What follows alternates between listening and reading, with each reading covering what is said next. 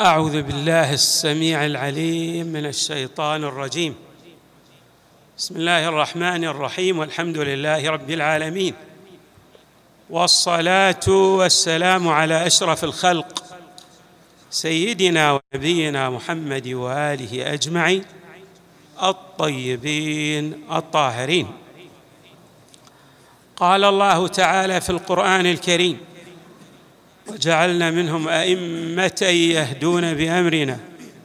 لما صبروا وكانوا بآياتنا يوقنون. صدق الله العلي العظيم. إمامنا السجاد عليه السلام له أدوار مختلفة. كل دور من تلكم الأدوار يمثل أهمية كبيرة وفائقة.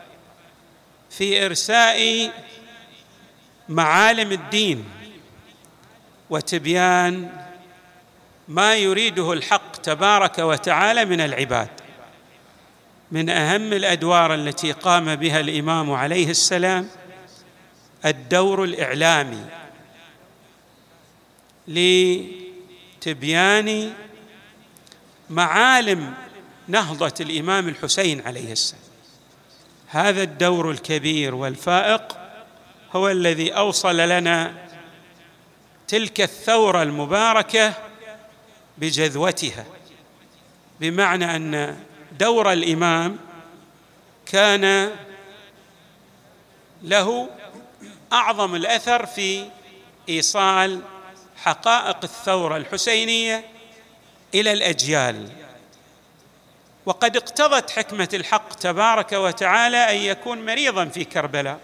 يعني عندما وصل إلى كربلاء حسب ما يظهر من النصوص مرض وهذا المرض كان له أثر في حفظ شخصيته والعطف عليه من القريب والبعيد. وبذلك استطاع أن ينهض بهذا الدور الإعلامي المتميز. من الأدوار التي مارسها الإمام عليه السلام هو تجسيد حقانية الشريعة الغراء بمعنى الناس لا يفهمون لا يعون لا يفقهون الأفكار المجردة. عندما تدلي برأي من الآراء دون أن يجسد هذا الرأي في الواقع العملي فإن الناس لا يتأثرون بالكلام وحده. للكلام أهمية كبيرة ولكن الكلام إذا لم يسند بواقع عملي تأثيره باهت إذا صح التعبير.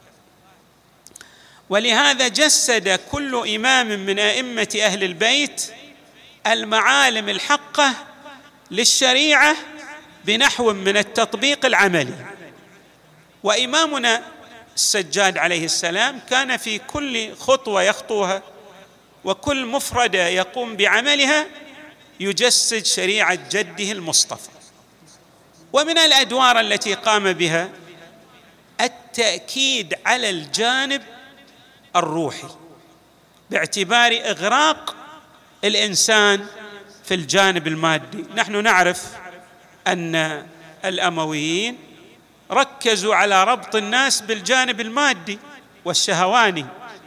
فكان الإمام عليه السلام يريد أن يحدث معادلة بربط الناس بالجنبة الروحية.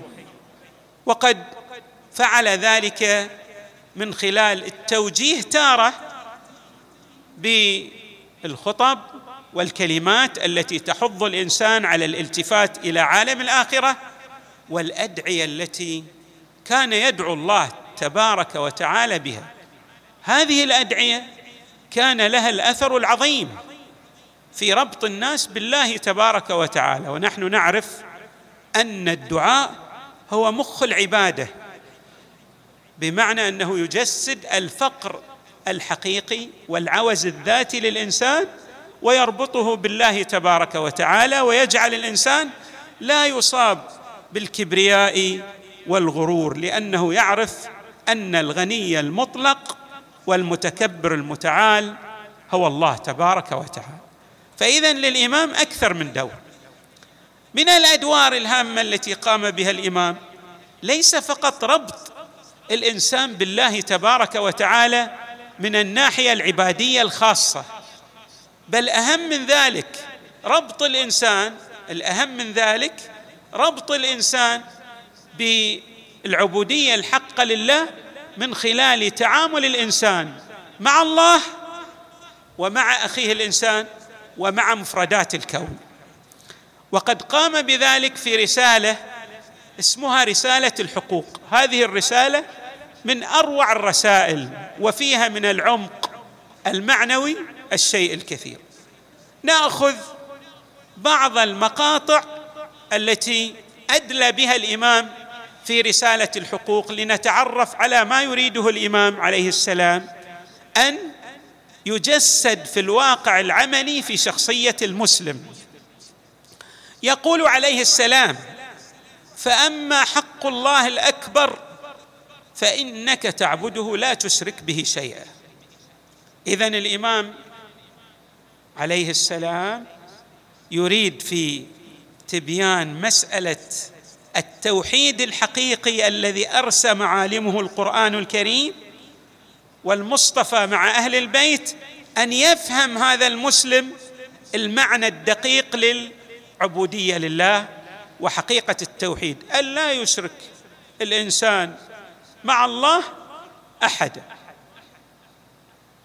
هذه هي حقيقة سورة التوحيد وحقيقة أيضا آية الكرسي وحقيقة آية الشهادة وهلم جرى مما جاء في آيات الذكر الحكيم وفي أدعيتهم ورواياتهم صلوات الله وسلامه عليهم أجمعين. وقضى ربك ألا تعبدوا إلا إياه وبالوالدين إحسانا يعني حتم وجزم وحكم على العباد أن لا يعبدوا غيره أن يجعلوا جميع أعمالهم من الناحية العبادية الخاصة لله وأن يجعلوا جميع توجهاتهم أيضا لله تبارك وتعالى. ماذا يترتب على هذا التوحيد الخالص؟ يقول الإمام عليه السلام فإذا فعلت ذلك بإخلاص جعل لك الله على نفسه أن يكفيك أمر الدنيا والآخرة ويحفظ لك ما تحبه منهما. الله يحقق لك خيري الدنيا والآخرة إذا فهمت هذا التوحيد الخالص الذي يريده الحق تبارك وتعالى. أيضا يشير إلى جانب جد هام. ألا وهو أن أعظم ثروة أعطاها الله تبارك وتعالى للإنسان هو وجود هذا الإنسان. كل الثروات الأخرى التي يعطيك الله تبارك وتعالى إياها هي ثروات ونعم مساندة إذا صح التعبير. ما هي أعظم ثروة؟ هذا الوجود المتميز الذي فيه ماذا؟ العقل. الإدراك والفهم والفطنة وما إلى ذلك من الأمور بالإضافة إلى الجوارح والجوانح. الإمام يشير إلى أن حقيقة الشكر لهذا الوجود المتميز لك كإنسان أن تصرف هذا الوجود لله. استثمار هذه الثروة في صرفها لله. يقول عليه السلام وأما حق نفسك عليك فان تستوفيها في طاعة الله. تجعل هذا الوجود العظيم الذي يشير إليه الحق تبارك وتعالى بأنه كرمه. كرمه يعني ماذا؟ بمع... بأي معنى هذا التكريم؟ يعني جعله من أفضل الموجودات. أن تستوفيها في طاعة الله. كيف أستوفي هذا الوجود في طاعة الحق تبارك وتعالى؟ انظروا ماذا يقول الإمام عليه السلام. فتؤدي إلى لسانك حقه وإلى سمعك حقه وإلى بصرك حقه. استيفاء هذه النعم هو في صرفها في طاعة الله وفي جعلها تتجنب المعاصي وأن تسير في الصراط المستقيم.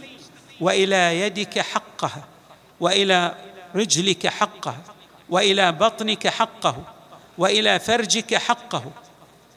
بعد الإمام يقول وتستعين بالله على ذلك. أنت بقدراتك المحدودة لا تستطيع أن تصرف هذه النعم التي آتاك الله إياها في طاعة الله لأن إغراءات الشيطان كبيرة. وتسويلات النفس أيضا مؤثرة. فكيف تستطيع أن تستوفي هذا الوجود المبارك الذي أعطاك الحق تبارك وتعالى إياه؟ بالاستعانة به تبارك وتعالى. وهذا ما أشار إليه أيضا الذكر الحكيم في قوله تعالى إياك نعبد. لكن كيف نحن نستطيع أن نعبدك من خلال القدرات الذاتية لأنفسنا؟ لا. إياك نعبد وإياك نستعين. نعبدك بالاستعانة بك. فأنت لا تستطيع اذا أن تصرف هذا الوجود المعنوي الحق والكبير والذي هو أعظم النعم التي آتاك الله إياها إلا بالاستعانة به. والإمام عليه السلام يشير إلى معان من الآيات القرآنية التي وردت في الذكر.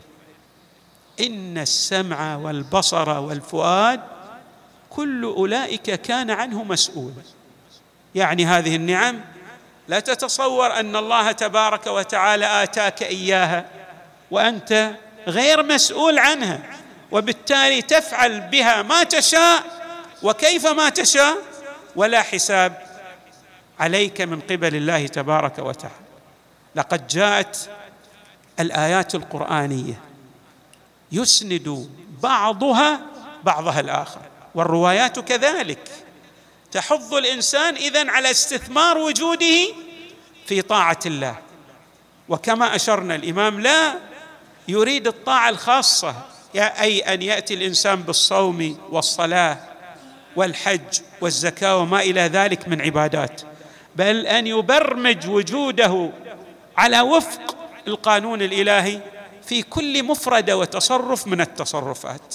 فإذا فعل ذلك كما قال الإمام آتاه الله خيري الدنيا والآخرة. يعني ضمن له المستقبل في عالم الشهود والمستقبل المعنوي الأكبر الذي لا نهاية له لا نهاية لوجودنا كما تشير الروايات الواردة عنهم صلوات الله وسلامه عليهم أجمعين. خلقنا الله للبقاء. لا للفناء غير أن الإنسان يتصور أن البقاء هو في هذا الوجود المادي وهو يغلط في تصوره. البقاء الحقيقي في الوجود المعنوي وفي الطاعة المطلقة للحق تبارك وتعالى كما يوضح ذلك الأنبياء والرسل ويجسد ذلك أيضا الصالحون. وعلى رأسهم الأئمة من أهل البيت صلوات الله وسلامه عليهم أجمعين. نسأل الله تعالى أن يجعلنا مع إمامنا السجاد في الدنيا والآخرة ومع آبائه البررة الميامين وأبنائه الطيبين الطاهرين. والحمد لله رب العالمين. وصلى الله وسلم وزاد وبارك على سيدنا ونبينا محمد وآله أجمعين الطيبين الطاهرين.